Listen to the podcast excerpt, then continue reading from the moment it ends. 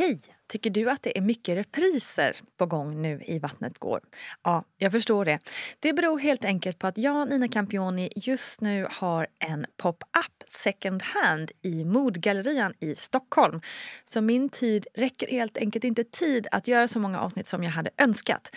Men tills jag är tillbaka på full tid, kom gärna och hälsa på mig i Modgallerian. Vi ses!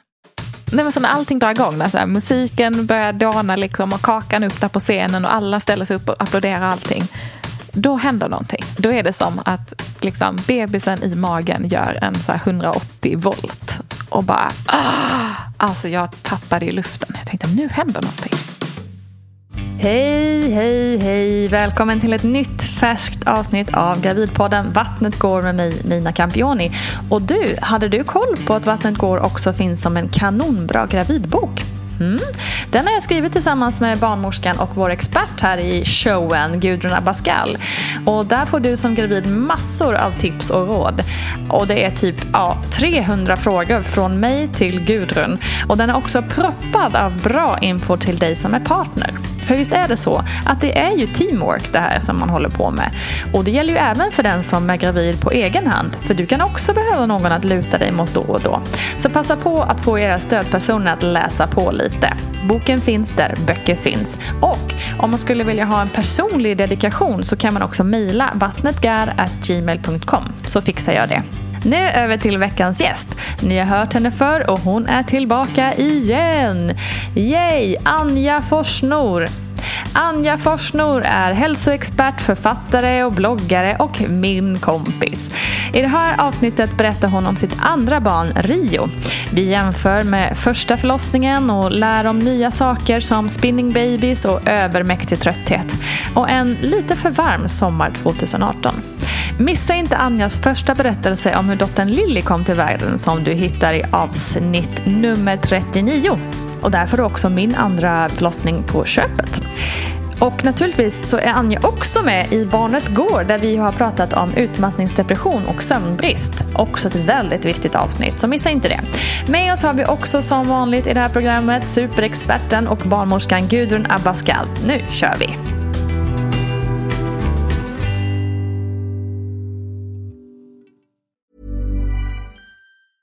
Ever catch yourself eating the same flavorless dinner three days in a row? Dreaming of something better? Well, HelloFresh is your guilt-free dream come true, baby. It's me, Kiki Palmer. Let's wake up those taste buds with hot, juicy pecan-crusted chicken or garlic butter shrimp scampi. Mm. Hello Fresh. Stop dreaming of all the delicious possibilities and dig in at HelloFresh.com. Let's get this dinner party started. Cool fact a crocodile can't stick out its tongue. Also, you can get health insurance for a month or just under a year in some states. United Healthcare short term insurance plans, underwritten by Golden Rule Insurance Company, offer flexible, budget friendly coverage for you. Learn more at uh1.com. Hey, it's Ryan Reynolds, and I'm here with Keith, co star of my upcoming film, If, only in theaters, May 17th. Do you want to tell people the big news? All right, I'll do it. Sign up now and you'll get unlimited for $15 a month in six months of Paramount Plus Essential Plan on us. Mintmobile.com slash switch. Upfront payment of $45 equivalent to $15 per month. Unlimited over 40 gigabytes per month. Face lower speeds. Videos at 480p. Active Mint customers by 531.24 get six months of Paramount Plus Essential Plan. Auto renews after six months. Offer ends May 31st, 2024. Separate Paramount Plus registration required. Terms and conditions apply if rated PG. Quality sleep is essential. That's why the Sleep Number Smart Bed is designed for your ever-evolving sleep needs. Need a bed that's firmer or softer on either side? Helps you sleep at a comfortable temperature? Sleep Number Smart Beds let you individualize your comfort so you sleep better together.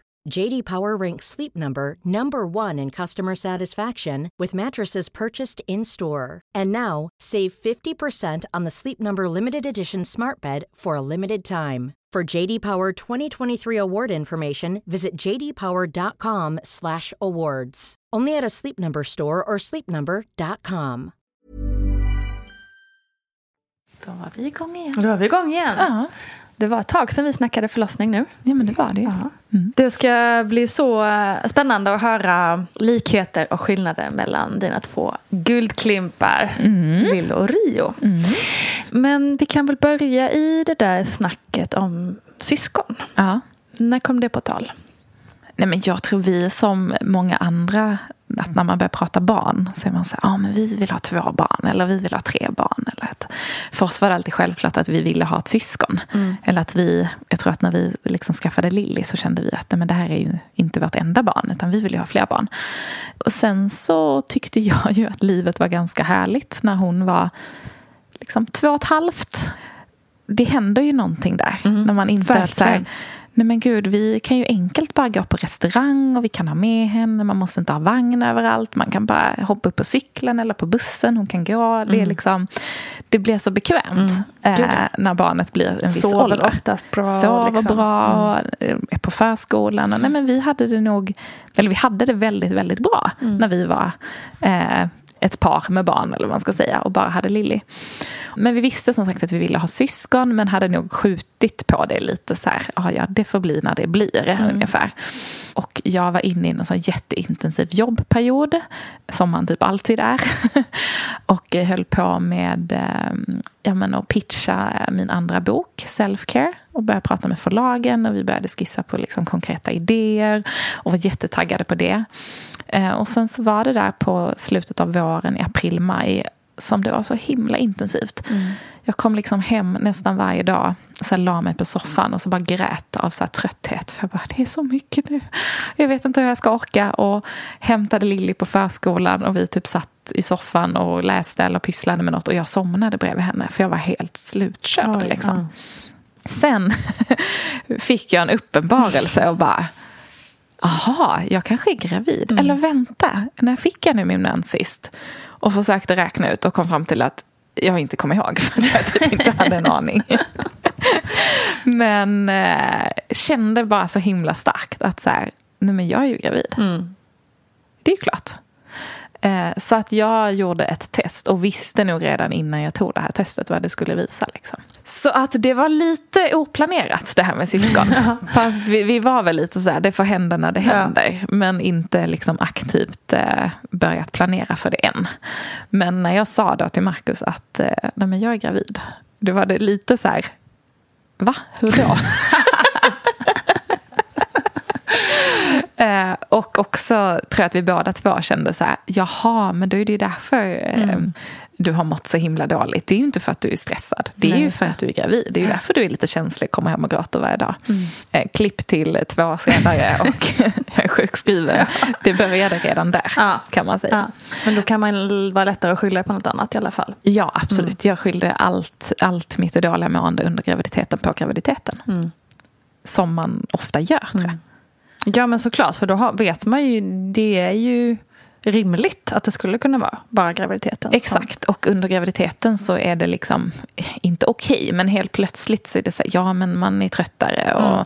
man, jag kände mig typ deprimerad för att jag kände så här, ingenting var längre kul, jag mm. tappade mm. gnistan totalt. Mm. Eh, redan då vecka fem när jag fick reda på att jag var gravid så började jag må jättedåligt, fick ju så här hormonell migrän. Mm, ja, okay. Som jag hade under tre månaders tid. Oj, oj, oj. Detta var Hela som, sommaren 2018, för er som oh. minns. Eh, den varmaste sommaren på 50 år, eller mm. något sånt va? Eh, och jag fick då reda på att jag var gravid den 3 juni. Mm. Så att eh, de följande tre månaderna la jag typ instängd i ett mörkt sovrum med yes. rullgardinerna fördragna och AC'n igång. och eh, typ ville bara att det skulle bli kväll så jag fick somna. Mm. Och förhoppningsvis vakna upp till en bättre dag dagen efter. Åh, oh, gud vad deppigt. Ja. Jag blev nästan ledsen ja. när jag säger det. För ja. jag tror inte jag fattade där och då hur så dåligt jag mådde. Nej. Men jag hade en fruktansvärd huvudvärk. Och jag har liksom aldrig haft migrän eller haft problem med huvudvärk någonsin tidigare. Mm. Eh, så för mig var det jättetufft. Liksom. Och jag märkte också hur det påverkade hela mitt mående.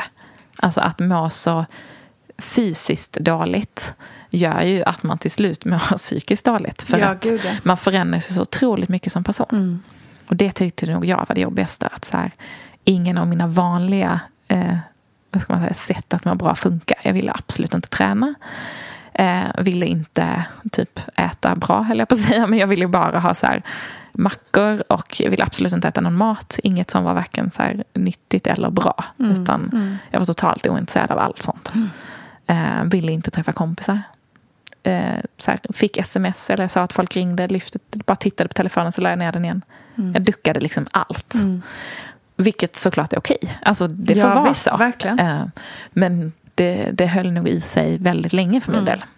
Eh, vilket var jättejobbigt. Fanns det någonting som hjälpte? Mot migränen? Eh, nej.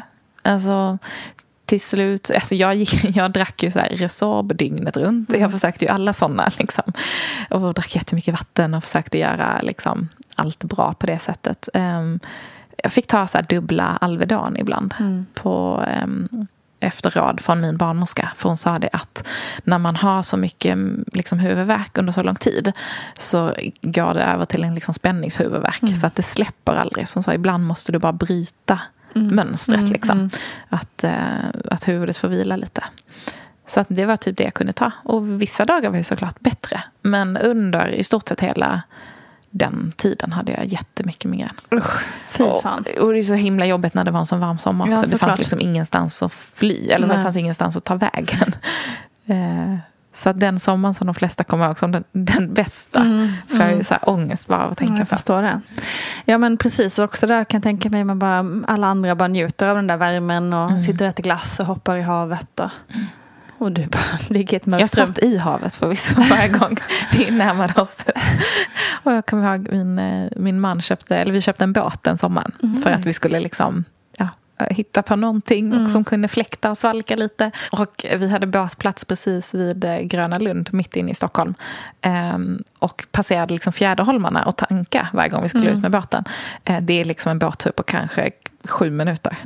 Men varje gång vi la till och tankade hoppade jag av båten, hoppade i vattnet och tog ett bad på Fjäderholmarnas strand.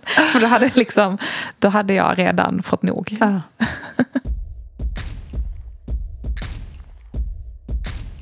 Men sen släppte det då, eller helt? Eller? Eh, nej, men det blev bättre.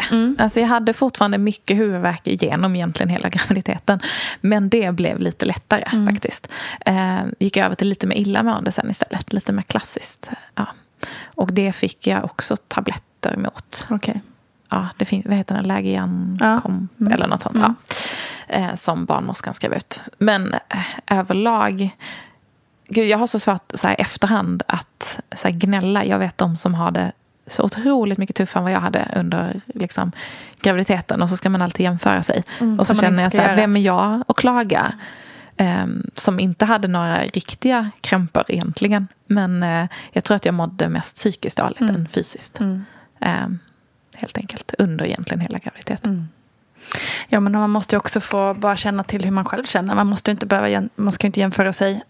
Alltså även det finns alltid de som har värre. Men bara för att man inte blir inlagd eller någonting så, så får man inte säga något. Men eh, det måste man få göra för man måste kunna tänka till hur man själv le- lever i sitt eget liv. Liksom. Jo men så är det. Samtidigt så känner jag alltid någon sån liten skuld också över att så här, men man ska ju vara så tacksam över att man eh, blir gravid. Och vi blev gravida så lätt liksom. Eh, och då, då får man ju absolut inte klaga. Nej, men jag tycker ändå att det är helt okej att få klaga. Man har legat i tre månader liksom, Instängd. in och instängd under den varmaste sommaren någonsin. Jag tycker det är okej att gnälla lite. Ja, tack. Men Ja, då ska vi börja med de här spännande frågorna igen då. Och då ska vi se här. Anja har ställt en del frågor och en av dem är då att migrän under graviditet eh, hormonellt betingat? Frågetecken. Eh, ja, man, man tror väl det. Alltså det här finns ju inte heller någonting som är vetenskapligt sagt, men utan det här handlar mer om beprövad erfarenhet. Och så vet man att glädjande nog så upplever majoriteten av kvinnor att migränanfallen minskar när de är gravida. Och eh, framför allt med kvinnor som har migrän utan aura. Eh, och eh, naturligtvis måste jag ju lägga till då att en del märker då så, för, så kan det också bli sämre. Så att, eh, ja. Men man tror i alla fall att det är att östrogennivån i kroppen stiger och hormonförändringarna är inte lika påtagliga påtaglig som under en menstruationscykel så att säga. Så att det är därför som det lugnar ner sig lite bättre eftersom östrogenen stiger successivt. Om det nu var svar, bra svar på frågan eller inte vet jag inte, men eh, lycka till i alla fall. Men det här psykiska, det också tycker jag är intressant. För att ehm, Det är ju ändå någonting som du eh, under den perioden, eh, vad jag märkte genom att följa din Instagram eller vad det nu kan vara, eller prata med dig, att liksom man märkte ju inte av att du mådde dåligt eh, psykiskt. Nej. Men det är ju lite där också tror jag, att mår man inte så dåligt psykiskt så att det är liksom man blir sjukskriven Mm. eller liksom att man får en diagnos eller någonting, då får man inte heller riktigt säga det. Nej. Upplevde du det så? Eller Ja, du men kanske inte verkligen. förstod det heller, Nej, men jag, jag tror också att jag, eh, alltså så här efterhand när jag eh, har min liksom utmattning i bagaget Mm. och lite facit i hand var, var jag befinner mig nu, så tror ju jag att jag, liksom, min utmattning började redan innan jag blev gravid. Mm. Vilket gjorde att jag förstod inte riktigt det, utan jag trodde ju bara att det var graviditeten som gjorde att jag mådde Mm. dåligt. Så jag skyllde ju allt det dåliga måendet och hur jag kände och mådde på graviditeten. Mm. Så att jag tror att jag så viftade bort det lite. Att jag tänkte så här, men det här är ju bara tillfälligt. Så här, jag, jag känner typ att jag har tappat all form av livslust och gnista. Och så fort min man föreslog något vi skulle göra så var jag totalt likgiltig. Jag var så här, ah, okej. Och sen så kände jag att så här, fast nu har jag ju nu har jag gnällt och klagat på att jag mår dåligt och att jag är trött, att jag är illamående och ont i huvudet. Och i bloggen kände jag att här, fast nu har jag skrivit det här, nu måste jag skriva om något annat. Jag får ju bara rycka upp mig. Det är ju ingen som vill läsa om att jag går runt och mår dåligt hela tiden. Och likadant till liksom, ja, men vänner och kollegor och allting. Att jag kände att så, nej, men nu får jag bara bestämma mig för att må bra. Det är ingen som vill höra någon som går och gnäller hela tiden. Så att jag tror att jag bara viftade bort det och eh, spelade en roll istället. Och jag är ju ofta, alltså jag har ju ganska lätt för att koppla på det här sociala, glada, trevliga, extroverta eh, när jag behöver. Så att jag spelade ju den rollen fullt ut. Och sen så hemma så hade jag ju ingen energi alls kvar att spela den rollen. Så då blev det ju, Igenkänning på det. det blev ju så svart eller vitt liksom. Så att jag tror inte jag kände efter. Och sen så eh, jobbade jag otroligt intensivt. ehm, och skulle liksom lämna in bokmanus två veckor innan Rio var beräknad. Så att jag hade någonstans bara det som någon så deadline. Att så här, bara jag får klart boken, bara jag får klart boken. Bara jag blir färdig med allt jag måste göra så kommer jag eh, kunna, liksom, då kommer jag lugna ner, lugn, allt lugna ner sig. Och så fort bebisen är ute, då kommer jag ju må bra igen. Då kommer allt vara som vanligt. Och återigen, da, da, da. Ja. det är då jobbet börjar. Ja, och det visste jag ju om. Men det vet jag också att jag kände så även när jag var gravid med Lilly, då, mitt första barn. Att så här, framförallt på slutet var jag så här, jag vill bara ha tillbaka min egen kropp. Jag vet att det kommer vara sömnlösa nätter och kämpigt med en bebis. Men då har jag åtminstone min kropp i fred. och lite så tror jag att jag kände nu också. Att så mycket av mitt fysiska dåliga mående var ju kopplat till graviditeten. Ja. Så jag kände att bara han är ute så får jag liksom börja reparera mig själv och få vara lite själv. Just det. Man vill ju faktiskt bara ha ut den där bebisen Jo, men slut. så är det, verkligen. Och lite få vara i fred. Även om det Absolut. innebär att man har en bebis hängande vid bröstet dygnet Precis. runt. Nej men så är det ju. Det håller jag med om. Det kan man ju också höra om i Barnet går, hur just det gick. Det gick ju bra.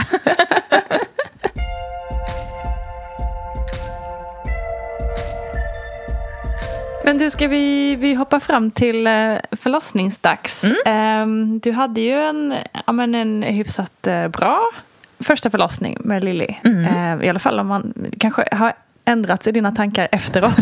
alltså när man har gått ett tag så börjar man fundera på andra banor. Men, men när man lyssnar på din förlossning som du berättar om eh, i podden tidigare så känns det som att den var ganska positiv. Ja, men det var den. Ja, känner Jag- du fortfarande så idag? Jo, men det gör jag. Och jag, hade ju, jag tyckte ju att den var liksom... Jag tror till och med att jag sa fantastisk. Ja, men det gjorde Precis du nog. efter Ja. förlossningen. Att Ja. jag barnmorskan så här, gud vilken fantastisk förlossning. Ja. Lite så här hög på allt. Men eh, och så känner jag fortfarande. Mm, Den var skönt. väldigt positiv på alla sätt. Liksom. Gud vad skönt. Ehm, så att jag tror att jag hade, men jag hade ju lite den här känslan att så här, men det här kan ju jag. Jag har gjort det här förut. Det gick så himla bra. Mm. Det gick så himla Jag bra. Du behövde inte ta barn. epidural. Nej, jag bara ju- krystade ut henne med lite lustgas. Ja, Ja. inte riktigt. Men jag hade ändå det självförtroendet. Ja. Att så här, men det här kan jag. Och sen så säger ju Ja, ofta eh, säger man ju att andra förlossningen går ännu snabbare, ännu enklare, ännu bättre. Nu vet kroppen vad den ska göra. Mm. Och man har banat väg liksom, med en bebis tidigare. Och det här ja, kommer gå så himla bra. Mm. Och min första förlossning gick väl ändå relativt snabbt. Jag tror det var sju timmar inne på BB. Liksom. Men det fortlöpte liksom väldigt bra och snabbt. Så min barnmorska sa ju det att eh, nej men när du ringer in, när du känner att det är på gång nu, liksom, med Rio då, eh, då måste du verkligen, ja men du får nog överdriva när du ringer in mm. så att de förstår att det verkligen, det här kommer gå fort. Mm. Liksom. Mm. Och du vet ju, men man hör ju om de här som inte hinner in och de som liksom föder i taxin eller i hallen hemma. Och vi hade absolut nära till BB. Mm. Men man ska ju ändå hinna in i bilen och allt vad det är. Så mm. jag tror att jag var väldigt inställd på att så här, det här kommer gå så jäkla fort. och så jäkla bra. och jag hade också någon liten vag känsla av att han kommer komma tidigt jag sa det liksom ganska, i och med att jag också hade en tight jobb-deadline med min ja, bok som skulle lämnas in. Den skulle lämnas in två veckor innan han föddes. Mm. Så tänkte jag att eh, det är inte säkert att jag kommer hinna lämna in den innan. Han kanske kommer tidigt. Så att jag hade så här, bara jag hinner lämna in boken och bara jag hinner gå på Ellegalan. Just det, det var ju Ellegalan. Lite arbetsskadad. Ja, ja, men precis. Det var, ja, vissa prioriterar olika helt enkelt. Men det vet ju du Nina, om någon, hur gärna man vill gå på den där galan. Ja, jag vet. Det är ändå lite den är liksom, valid. Jag har också varit höggravid på Ellegalan. Ja. ja. men det ska mycket till att man missar Ellegalan om man får en inbjudan. Mm. Um, så jag hade lite det som en milstolpe också. Och Ellegalan var då uh, fredagen den 17. Så detta är... Lite, januari. Ja, januari. Mm. Uh, det är lite mer än två veckor innan han är beräknad. Um, och uh, känner redan under galan detta är så roligt. Vi går in och sätter oss i Vinterträdgården. för, för första gången någonsin. Jättebra plats. Oj! För liksom sitta, Då du vet. är man viktig. Jag vet! Så viktig. Nej, men vi blev sitade liksom, med vårt namn på stolen. Det händer ju inte heller oh alla år. Eh, du vet, emellan scenerna. Så att man har mhm. catwalken runt. Oj, oj, oj. Uh ja, så vi satt ganska långt fram. Eh, ja, precis någon rad bakom Elsa och Pontus. Och Elsa skulle ju få pris. Ja, så ja, tänker jag så här, då var vi verkligen... Just. Du vet, ja. Då tänkte jag, okej okay, nästa år då kommer vi få pris. Ja, nästan så. Jag tänker nu hoppar vi, avancerar vi ett steg i taget här. Nej, men så vi hade jättebra platser då. Och när allting drar igång, det är ju alltid lite utdraget liksom. Men allting drar igång och det är så här, feedback till Elgalan där ja. Feedback till Elgalan. ja, ja, men det tar ju lite tid att få in alla ja. och sätta sig och så här. Ja. Eh, nej, men så när allting drar igång, när så här, musiken börjar dana liksom och kakan upp där på scenen och alla ställer sig upp och applåderar allting då händer någonting. Då är det som att liksom, bebisen i magen gör en så 180 volt. Och bara... Ah! Alltså jag tappade i luften. Jag tänkte nu händer någonting. Så här, han reagerade på musiken men det var liksom... Det var också, jag hade såna förverkar mm. som kickade igång det. Jag hade haft det lite tidigare. Men nu släppte de inte. Så jag sitter alltså väldigt långt fram där på galan på en sån här klaffstol i plast. Har en lång radebjörklänning som har så här, den är så pärlklädd. Så det är små pärlor som jag sitter på. Så det känns som att sitta på en spikmatta mot den här plasten. Superbehagligt. Och svetten rinner längs ryggen på mig. Och jag är helt blek. Och Alexandra tittar på mig. Hon bara, hur mår du egentligen? Jag bara, nej men jag tror att mina verkar har kickat igång nu. Jag har så ont. Hon bara, men du, du får ju gå härifrån då. Mm. Men jag fick ju sån panik. Jag tänkte, hur ska jag ta mig härifrån? Komma därifrån? Jag sitter så långt fram. Jag har lång klänning. Jag har 10 centimeter höga platåskor.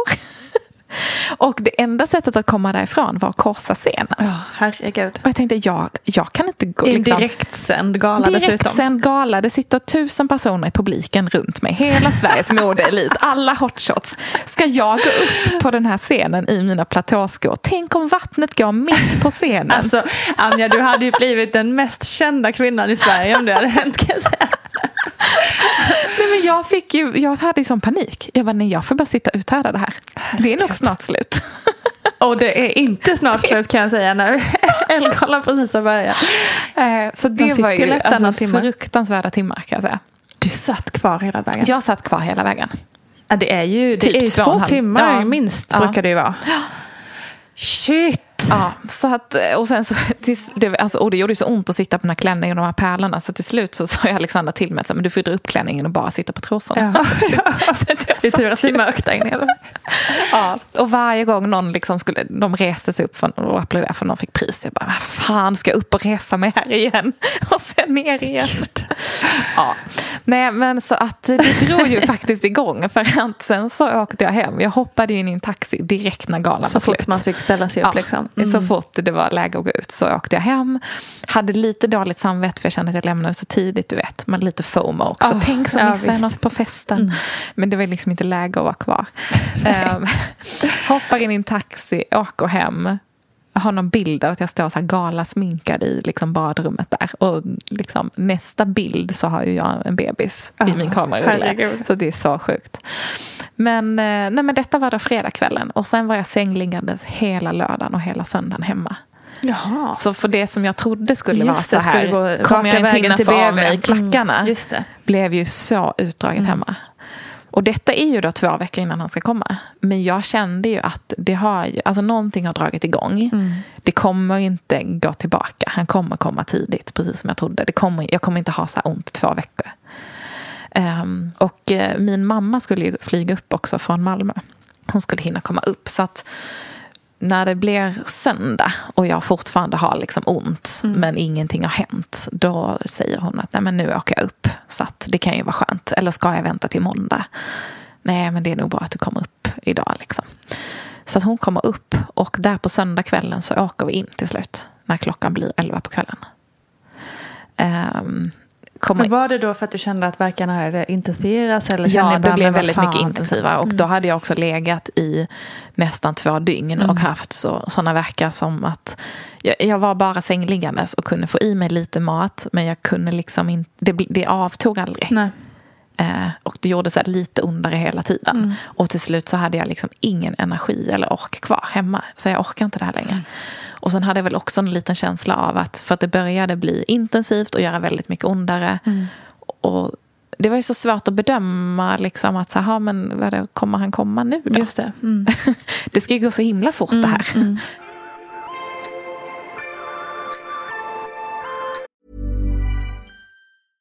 Jewelry isn't a gift you give just once. It's a way to remind your loved one of a beautiful moment every time they see it. Blue Nile can help you find the gift that says how you feel and says it beautifully with expert guidance and a wide assortment of jewelry of the highest quality at the best price. Go to BlueNile.com and experience the convenience of shopping Blue Nile, the original online jeweler since 1999. That's BlueNile.com to find the perfect jewelry gift for any occasion. BlueNile.com. Ryan Reynolds here from Mint Mobile. With the price of just about everything going up during inflation, we thought we'd bring our prices down.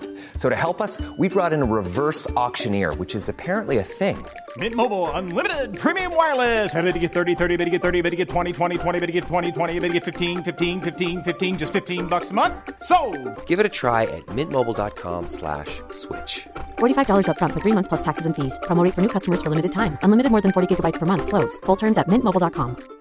Hi, I'm Daniel, founder of Pretty Litter. Did you know cats tend to hide symptoms of sickness and pain? I learned this the hard way after losing my cat, Gingy. So I created Pretty Litter, a health monitoring litter that helps detect early signs of illness by changing colors, saving you money and potentially your cat's life. Pretty Litter is veterinarian developed, and it's the easiest way to keep tabs on your fur baby's health right at home. Go to prettylitter.com and use code ACAST for 20% off your first order and a free cat toy. Terms and conditions apply. See site for details. Hey, Dave. Yeah, Randy. Since we founded Bombus, we've always said our socks, underwear, and t shirts are super soft. Any new ideas? Maybe sublimely soft. Or disgustingly cozy. Wait, what? I got it. Bombus. Absurdly comfortable essentials for yourself and for those facing homelessness. Because one purchased equals one donated. Wow, did we just write an ad? Yes. Bombas. Big comfort for everyone. Go to bombas.com slash ACAST and use code ACAST for 20% off your first purchase. Hey, it's Ryan Reynolds, and I'm here with Keith, co star of my upcoming film, If, only in theaters, May 17th. Do you want to tell people the big news? All right, I'll do it. Sign up now and you'll get unlimited for $15 a month in six months of Paramount Plus Essential Plan on us. Mintmobile.com slash switch. Upfront payment of $45 equivalent to $15 per month. Unlimited over 40 gigabytes per month. Face lower speeds. Videos at 480p. Active Mint customers by 531.24 get six months of Paramount Plus Essential Plan. Auto renews after six months. Offer ends May 31st, 2024. Separate Paramount Plus registration required. Terms and conditions apply if rated PG.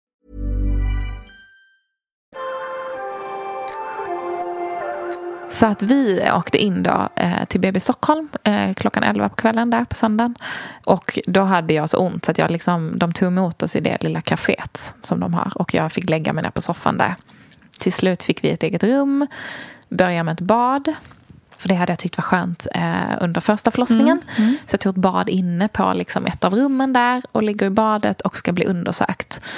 Um, och nu börjar mötet med um, barnmorskan som jag sen har i sju timmar som jag inte gillade överhuvudtaget. Ah.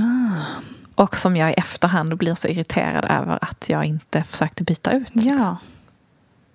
Men eh, hon undersöker mig i alla fall eh, första gången då när jag ligger i det här badet. Och sen så typ fnyser hon lite och går ut därifrån. Och går ut från rummet helt och hållet utan att säga någonting. Va? Ja. Bitch! Och då, jag blev lite så här, jag tittade på Skojar och sen så har man ju ändå fullt upp när man liksom har massa verkar. Så jag försökte så här, fan, inte lägga någon energi på henne. Hon lämnar oss själva ganska länge. Kommer tillbaka in och då frågar jag typ så här, ja, hur, liksom, hur såg det ut? Eller hur gick det? Eller ja, någonting så här. Mm. Och då säger hon att ja, nej men du är ju knappt öppen två centimeter. Så att, eh, ja, nej, det här är ju inte igång liksom. Så hon var typ sur att du hade Ja, tappat hon, ett rum det var som då? att hon var besviken över att så här, här trodde jag att Ja, det skulle hända exakt. något. Eh, Men, ja. Så att hon ber mig så här, komma upp på badet. Då ber jag om någon sån, ja, men du vet, nattlinne eller en sån Mm. där rock. Eh, varpå hon blev lite besvärad för hon tyckte att jag skulle ta på mig mina vanliga kläder. Liksom. Hon ville att ni skulle åka hem Ja, eller? och jag fattar ju det sen då. Liksom. Men jag fick på mig i alla fall en sån rock. Och sen så går hon ut igen och sen kommer hon tillbaka. Och hon har ju mätt verkarna och ja, men allting sånt som de gör. Och kollat bebisen och så att allt är bra. Eh, och då kommer hon in och säger till mig att eh, vet du, i det här rummet eh, är det tänkt att man ska föda barn.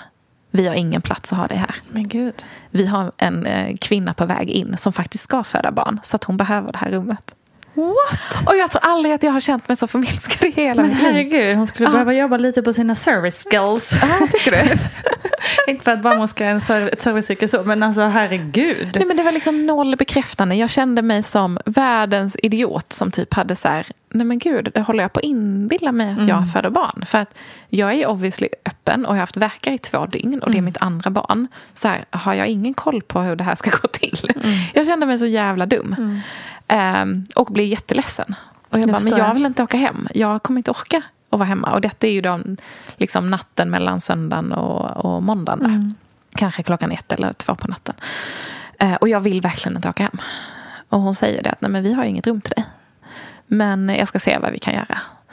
Och sen så har de som någon liten skrubb. Och det är på samma våningsplan där förlossningen är. Men de hade liksom ett extra rum, inget förlossningsrum. Men ja, som ett litet väntrum eller något. Där hon säger att eh, ja, men du får två Alvedon och så får du ligga här så länge. Och så fick jag en så portabel lustgastub med mig också. Ja, försök att sova lite så ser vi vad som händer. Och sen så blev jag typ lämnad där kändes Men det som.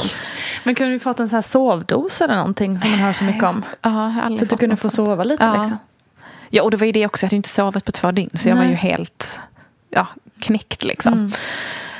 Men vi lägger oss där i alla fall. Och sen så efter ett tag börjar jag höra några jämranden och sånt. Och inser att det är bara ett skynke emellan. Så ligger det en patient på andra sidan det här skynket som ligger. Så att jag får ju ingen ro. Det är någon som liksom ligger och, och gnäller där på andra sidan. Men eh, i alla fall efter ett litet tag, någon timme eller så, så känner jag att så här, fast nu är verkarna ännu starkare. Nu räcker inte den här liksom, Alvedonen kände jag ingen effekt av och den här lustgasen, det är som att den inte funkar längre, det händer ingenting. Så då ringer vi på klockan eh, och hon bekräftar väl att så, ah, det är inte så bra tryck i den här portabla lustgasen så att den kanske inte hjälper. Ja, jag kanske kommer ihåg lite fel, men hela liksom Alltså intrycket var Ja. att jag var väldigt bortprioriterad Ja. och inte speciellt liksom hög prio där. Vilket jag fattar såklart. Det var ju de som var Jo, men man kan längre också göra det på ett trevligt Men, sätt ja, kanske. Exakt. Lite mer omhändertagande vis, tänker jag.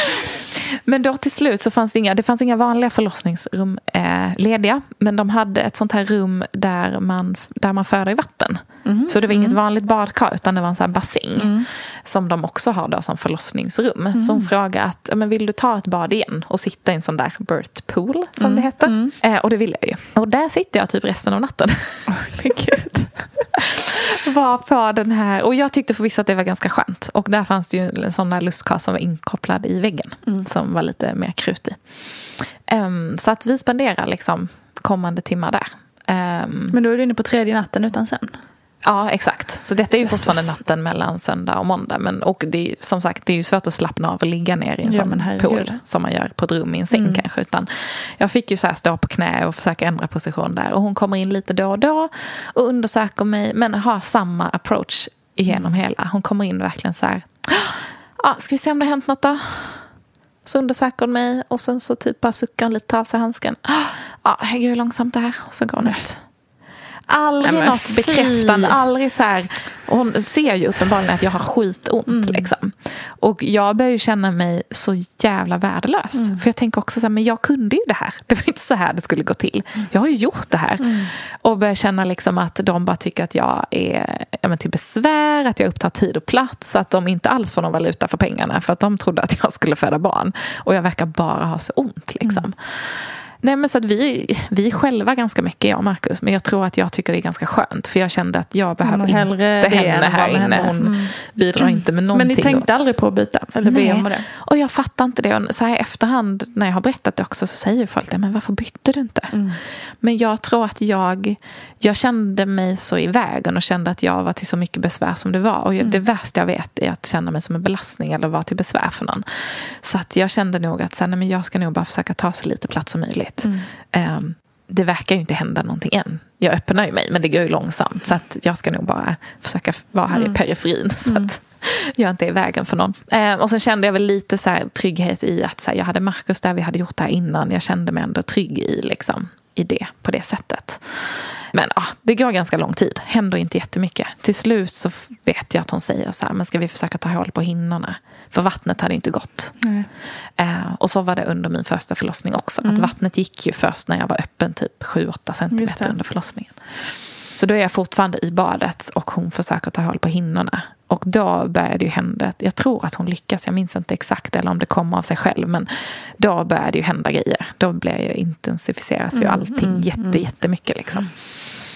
Och sen så någonstans mitt i allt det här, nu börjar det bli ganska suddigt för det gör väldigt ont här. Mm. Och jag har fortfarande bara lustgas. Ja, för det skulle jag fråga om. För Ja. i första, första så hade ju Marcus det stora uppdraget att epidural! Och sen hann ni inte med det. Du kommer ihåg det alltså? Ja, det kommer jag. Ja. Men hur, eh, hur blev det den här gången? Nej, men jag tror också jag så här, dumt som man är hade jag någon så här, nej men första förlossningen klarade jag med bara lustgas det gick så himla bra. Så ja, men det är väl inte så konstigt att man tänker så. nu kommer inte jag behöva någonting annat. Nej. Och sen ska jag ärligt säga också att jag alltid tyckt att det verkar så himla läskigt med epidural. Alltså att sätta själva Mm, nålen. mm. Så att jag tror att jag har varit typ lite mer rädd för smärtan att sätta epiduralen Mm. än smärtan av verkarna. Jättekonstigt resonemang. Men jag tror att så här, det vet jag i alla fall vad det är. Det känner jag till, det har jag testat. Men att det kändes lite läskigt att sätta epiduralen. Så att det är aldrig någon som frågar mig om det. Och jag för aldrig det på tal. Okej. Utan tänker väl att men det här kommer jag klara ändå. Liksom. Och har nog också någon bild av att så här, men hur lång tid kan det vara kvar? Men någonstans mitt i allt det här så börjar jag få väldigt, väldigt ont. Och går in i någon slags så här, gå in i mig själv och börja blunda liksom. Och bara stänga ute allt och alla. Och försöka bara fokusera inåt. Ehm, I den här vevan så blir det skiftbyte till min stora glädje. och de säger också att det finns ett förlossningsrum. De Ja. frågar om jag vill byta rum. Ja. Då har jag ju suttit i badet i typ tre fyra timmar. Jag är ju ganska skrynklig och liksom börjar ju bli lite kall. När det börjar göra ont så börjar jag sitta där och huttra. Liksom. Så att jag får komma in till ett rum och jag, så här, jag blundar hela den här vägen in. De kör mig i en rullstol. Så jag sitter bara och blundar och har verkar. Och sen så kommer jag in på det här rummet och kommer upp i sängen där. Och jag kommer så väl ihåg de nya sköterskorna, eh, sköterskan och barnmorskan som säger liksom, ja men de presenterar sig och säger liksom att nu är det vi som ska typ ha hand om dig. Ehm, och den ena då, Lina, säger så här, men du, du har varit så himla duktig Anja, du har kämpat hela natten och vilken hjälte du är. Snart är han här, nu ska vi bara ta det här i mål. Du vet, och så här, krama om mig, verkligen klappa mig och jag bara började ju gråta Ja, som klart. ett litet barn. Ja. Och kände, och jag tror det var där jag, jag tror att det var först då som jag typ förstod hur, hur liksom illa jag hade tyckt Mm. om den första barnmorskan. Eller jag hade förstått så här, varför, varför känner jag liksom att vi inte klickar. Men hon hade ju aldrig bekräftat mig. Nej. Aldrig sagt att jag var duktig. Man behöver ju lite sånt. Gud, man ja. behöver ju få höra att man är duktig och bra och att det händer någonting. Så att då kändes det, och då kommer jag ihåg att jag typ så tittade för första gången och bara så här, åh gud. nu känns det bra liksom.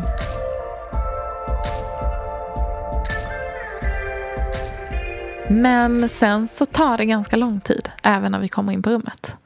Då var jag ju öppen ganska mycket, jag minns inte exakt. Men han hade problem att liksom skruva sig. Han kom inte ner. Nej. Och jag hade så mycket verkar och liksom tog de här verkarna. Men för varje verk så hände det ingenting. Oh, Gud, så att vi hamnade liksom i något sånt mellanläge. Och jag tror där var det också någon som frågade om jag ville ha epidural. Men då kände jag bara att fast jag vill inte att det ska stanna upp mer. Nu är vi snart i mål. Jag Ja. vill bara ha ut honom. Jag vill bara få det här avklarat. Mm. Jag vill inte pausa det här nu. Jag hade säkert behövt att sova och samla kraft. Men jag kände att det, det finns inte. Jag vill bara få det här överstökat. Mm. Ehm, så då började de ju göra såna här ja, vad heter det, inte vändningsförsök, men de ska liksom hjälpa honom att skruva sig ner i förlossningskanalen. Mm. Och då får man göra massa olika typ övningar. Så att jag fick så här, något som heter spinning baby, kommer Mm. jag ihåg? Mm. Känner du till det? Mm, jag har hört talas om detta. Jag fick liksom, de la mig som på sidan på britsen, nästan så här framstupa sidoläge.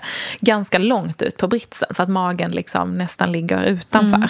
Och så höll de liksom i mig och sen när verken kom så började de så här typ nästan så här rulla mig över kant. Det låter ju sjukt men, och det kändes sjukt. Mm. Men verkligen så här, de rullar liksom, skakar min kropp fram och tillbaka för att det på något sätt ska hjälpa Mm. honom ner. Och alltså det här gör så ont. Det är liksom det sista man vill Ja, när man har så ont. Att hela kroppen bara vänds in och Mm, ut känns det som. Det är ju att någon tar i en. Usch. Och att någon då nästan är lite så här. Det kändes ju som att de var liksom. våldsamma Mm, tillbaka. mm. Jag ville ju bara så här, låt mig vara. Mm, mm. Liksom släpp mig. Det var så jobbigt. Det kändes nästan som ett övergrepp. Ja, det förstår jag. Eh, och där och då började jag typ, och då, jag tappade ju allt så här självförtroende och kände bara att det här kommer aldrig gå. Mm. Då kom liksom alla katastroftankar, allt det som jag, jag kände aldrig det med Lilly under första förlossningen. Jag kände alltid att så här, men jag har det här, jag klarar det här. Och nu tappade jag allt. Mm. Jag bara, det här kommer aldrig gå, han kommer aldrig komma ut. Jag är så dålig på det här. jag kommer inte klara av det. Eh, och börjar ju liksom ja, men börjar gråta, börjar bara liksom skrika att säga, jag orkar inte mer, jag klarar inte det här, jag vill inte ta mig härifrån. Och jag tror att när man kommer till det läget, då är det jäkligt svårt att liksom hitta den kraften och det lugnet man behöver. För det var som att jag bara kapitulerade Ja. totalt för liksom allt. Ja, och så har vi den här frågan om spinning baby. Vad är det? Ja, det är nästan så att jag får fråga mig om man ska förklara det fel, eh, fullt ut vad det är för något. För det är ingenting som jag har aktivt själv sysslat med som barnmorska eller inte. Men spinning baby kallar man här i Sverige för det här med active baby. Och det handlar om att man ska skapa en balans mellan livmoder, bäcken och muskler och ligament. För att göra plats för barnet att hitta ett bra läge med optimala situationer i livmodern. Och eh, därför att man säger också att bebisen har en aktiv roll i att föda sig själv och då är det bra med gott om plats och att, att eh, mamman är väl avslappnad och då går förlossningen snabbare och barnet roterar bättre ner i bäckenet och det blir mindre smärta i samband med, med födandet. Och man säger sig att, minska, att, man, att det minskar antalet kejsarsnitt och instrumentella förlossningar. Men jag kan inte säga att jag har någon egen erfarenhet av det. Men jag tänker så här att, att kvinnor som Hitta de här positionerna och, och lägena och alltihopa så här. Så visst, det är jättebra. För det är ju lugnet och avslappningen och känna sig trygg i situationen som är optimalt. Så träna på det och det finns bra på Youtube att titta på så leta reda på det. Ja, men jag slutade ju liksom göra så här, allt de sa. Mm. Jag kunde inte ta in någonting. Nej. Jag började så här hyperventilera och jag andades fel i masken. och liksom Allting gick fel. Och då har massa verkar på det. Och sen så kom han fortfarande inte ner. Så att när den här spinning, spinning baby inte funkade då fick jag ja, men, göra någon annan övning. Så att det kändes bara som att de så här slet och drog i mig. Mm. Och jag ville bara vara i fred. Jag ville bara liksom att de skulle låta mig vara. Och sen så till slut så började jag känna att jag inte, jag kunde liksom inte hålla tillbaka mer. Och de försökte verkligen få mig att så här, jag menar, att lugna mig, att andas igenom, att ta det lugnt, att inte krysta. Men jag kände att så här, men hela kroppen vill bara krysta, det här gör så ont, jag kan inte hålla emot. Bebisen måste ut. Eh, och då sa barnmorskan det att så här, men du, ehm, frågan är om du ska prova att krysta nu i nästa verk och se vad som händer. Ehm, och då gjorde jag det och då märkte de att han kom ner. Mm. Gud vad skönt. Så då sa hon att eh, eh, det här är lite sjukt och detta är nog något som bara omföderskor ska göra, eller kan göra. Men vi testar och ser om du faktiskt kan liksom krysta ut honom redan nu. Mm. Ehm, så att jag provade ju det några gånger och då kom han ju ner. Mm. Och sen så var det inte så långt kvar. Så att det, jag påbörjade det här liksom kryssningsarbetet innan det var dags. Det. Men det var det som gjorde att han kom ner och sen då till slut Wow. ut. Eh, och det var verkligen på så sista, den absolut Andetaget. sista energin jag Mm. hade tror jag. Eh, men sen var han ute. Men herregud. Alltså som sagt, tre nätter utan sömn. Ja. Alltså tre vakna dygn. Men ganska mycket så- verkar. Och även om så här, du vet i efterhand har jag tänkt så här, men inbillar jag mig allting? Men jag hade så ont. Mm. Och jag var inte beredd på det. Jag trodde verkligen att det skulle vara att det skulle gå så Mm. himla enkelt och så himla snabbt och att gud jag är gjord för det här. Jag ska bara liksom krysta ut honom på en Mm. timme, sen så åker vi hem. Så att jag tror att jag blev så himla golvad över att det gjorde så himla ont att jag kände att jag inte hade någon kontroll alls. Och att det inte alls gick så som jag hade Nej. tänkt. Och jag tror att det redan under förlossningen blev ju ett sånt ja, men typ misslyckande för mig. Eller jag kände liksom att det här var inte alls så som det skulle bli. Och dessutom är jag två veckor tidigare.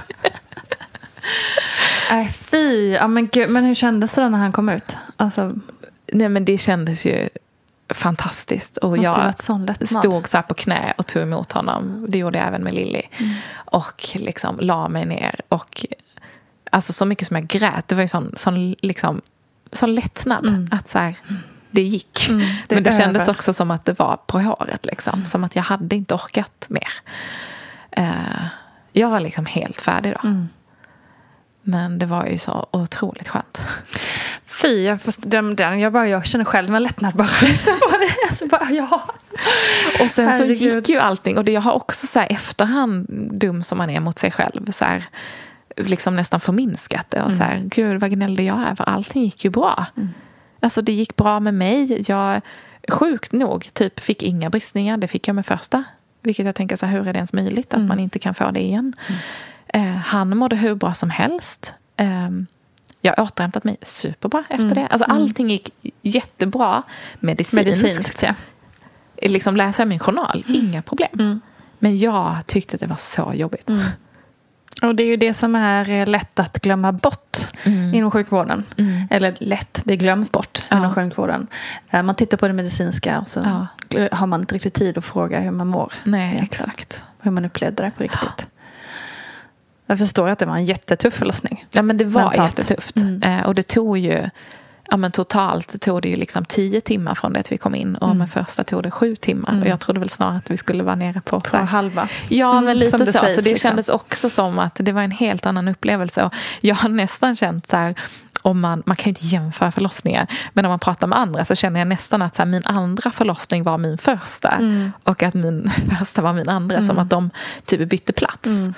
Mm. För att andra, eller första gången var jag så himla självsäker och kände att eh, kroppen fixar det här och allt gick så himla bra. Mm. Och den där rädslan och liksom verkligen tvivlet som jag kände andra gången upplevde jag ju aldrig första gången. Så det känns nästan som att det var, de bytte plats. Mm. Men det gick ju väldigt bra till slut. Ja, det är bra men det var man kan ju få mental är ändå. Mm. Verkligen. Nu när det har gått lite tid, kan Mm. du känna någonting som hade kunnat hjälpa det så att det hade blivit ett annorlunda, flö- ett annorlunda flöde så att säga? Nej, men jag tror framför allt att Alltså jag har ju verkligen lärt mig att eh, man aldrig kan så här förutspå en förlossning och att man kan typ inte förvänta sig någonting. Ehm, och jag tror att så här, gud jag hade nästan önskat att det här man säger att så andra förlossningen är så himla mycket enklare. Att man kanske tonar ner det lite. Mm, för att det. även om det är så för många jag var ju helt säker på att det skulle Mm. vara så för mig. Och min barnmorska var helt säker på att det skulle gå så himla fort. Så jag hade helt liksom, orealistiska förväntningar. Jag tror att hade mina förväntningar varit annorlunda så hade jag nog hanterat det lite, lite bättre. Mm. Och sen också att jag hade blivit eh, bekräftad av barnmorskan på ett annat sätt. För att det hjälpte ju ingenting. Alltså, jag. man är så jäkla utsatt. Jag satt liksom fullt naken i en pool. Mm. Och det kom in ut folk hela tiden. Och jag kände bara att så här, jag är en belastning. Mm. Jag vet inte hur man gör. De tycker att jag är så jobbig. Jag tror inte att det är bästa förutsättningarna för att, liksom, att man ska öppna sig Nej, mer, att det ska gå bra. Jag tror verkligen på att hela den biten spelar roll. Mm. Det var som att jag inte kände mig trygg nog att våga föda barn där. Liksom. Så att det, jag tror att jag höll tillbaka och motarbetade väldigt, väldigt mycket. Mm. Istället för att bara så här, ge mig hän. Jag tror det spelar jättestor roll. Det tror jag, det är jag övertygad om. mottagandet. Det finns ju till och med, eller det till och med, det finns väldigt mycket forskning som stödjer det Ja. också. Så jag hoppas att hon bara hade en dålig dag. Ja, Anja, visst är det så att man säger oftast att andra förlossningar går snabbare. Och nu vad jag förstår i ditt fall så tog det längre tid. Och så tycker jag också att statistik kanske bara förvillar när man pratar om det. Och visst är det så. Statistik säger ingenting om det enskilda fallet naturligtvis. Så att därför så, så idag när vi lever i statistikens värld så tror man att det är det som är sanningen. Men för mig som barnmorska så kan jag i alla fall, om man ska summera min totala erfarenhet av det här att vara en förstföderska och vara en omföderska. Och då tänker jag speciellt på andra barnet, så tycker jag ändå att jag, när jag träffar den här omföderskan, att den här eh, födseln och förlossningsförloppet kommer att gå snabbare än första gången. Sen naturligtvis individuellt så, så är det, så finns det här, här eh, att det kan ta längre tid andra gången. Men, och det är därför som barnmorska ska säga allting kan hända, därför är jag lugn, precis som myndighetsrådet säger. Så, att det, eh, så är det. Men inställningen är i alla fall så. Jätteroligt så här, Mm. efterhand att en av mina bästa vänner hade ju samma barnmorska. Är det sant? Eh, Och tyckte att hon var jättebra. Nej, vad roligt. Men då kanske hon vi hade en jämfört våra riktigt dålig journaler så att vi, vi vet att det var samma. Ja. Liksom. Så att vi hade väl, ja. Och det är väl också så här personkemi tänker Ja, jag. precis. Nej, men det är väl personkemi naturligtvis och också eh, att barnmorskor är ju inte heller supermänniskor. De, måste, de har ju också dåliga Absolut. dagar. Liksom. Ja. Men som sagt, ehm, det är ju en väldigt viktig situation. Ja men det är det och jag kände mig så utsatt. Mm. Och det här andra teamet som kom in och väl, som var med under själva liksom, förlossningen när han kom. Eh, de var ju helt fantastiska. Mm. Ja, men vad, det är ju fan tur att- och de- liksom, i hela det här. De flesta fick- är ju det, eller alla barnmorskor är ju fantastiska. Mm. Men man måste också hitta rätt och klicka tror jag. Och Så. hitta ett sätt som funkar att jobba ihop. Och det gjorde inte vi. Och det gjorde ju allting så mycket värre. Mm. Så att eh, gud vad jag ångrar att jag inte sa till tidigare. Liksom. Eller sa till. Mm. Men det är nog många som känner igen sig i det som du säger, att man inte vill vara till belastning. Plus att man kanske också, eh, först när man träffar någon annan, också inser att, men Mm. gud, vad, hur blev jag behandlad där egentligen? Liksom? Lite som att man kan liksom, vara i en dålig relation och så är det först när man Ja. träffar liksom, the one som man Precis. känner att oj, Ja, det så här trodde jag att det där skulle hålla. Precis. Det ser jag ju nu att det skulle ju aldrig hålla. Nej. Och sen tror jag också att jag var ju så himla rädd i och med att de ville skicka hem mig. Så att jag var så rädd att bli hemskickad så att jag kände att eh, jag ska nog bara vara tacksam Att över man att jag ens får vara här. jag ska nog bara Mm. knipa igen. Mm. För jag vill ju absolut inte bli hemskickad och sen då bli skickad till ett annat sjukhus kände jag. Att det orkar jag inte. Nej, det förstår jag verkligen. Det är inte alls konstigt. Nej. Men du, tur att det ändå gick. Tur att han kom ut. Tur att han kommer ut. De gör ju oftast det till slut. På på ett sätt eller ett Exakt, annat. exakt. En jävla tur. Tack för att du ville vara med igen. Tack för att jag fick vara med. Tusen tack världens bästa Anja Forsnor och tusen tack kära du som har lyssnat. Ha nu en fortsatt fantastisk dag och glöm inte mammagruppen på Facebook och på Instagram. Kram!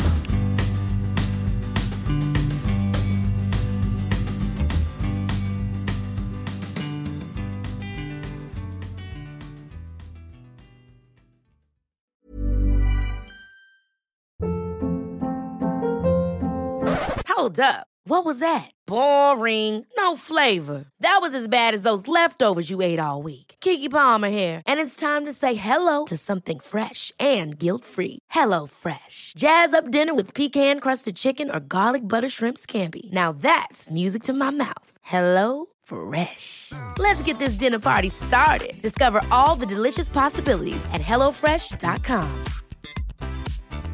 Planning for your next trip?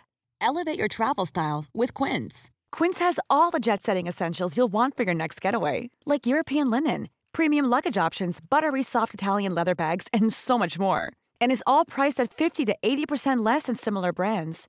Plus, Quince only works with factories that use safe and ethical manufacturing practices.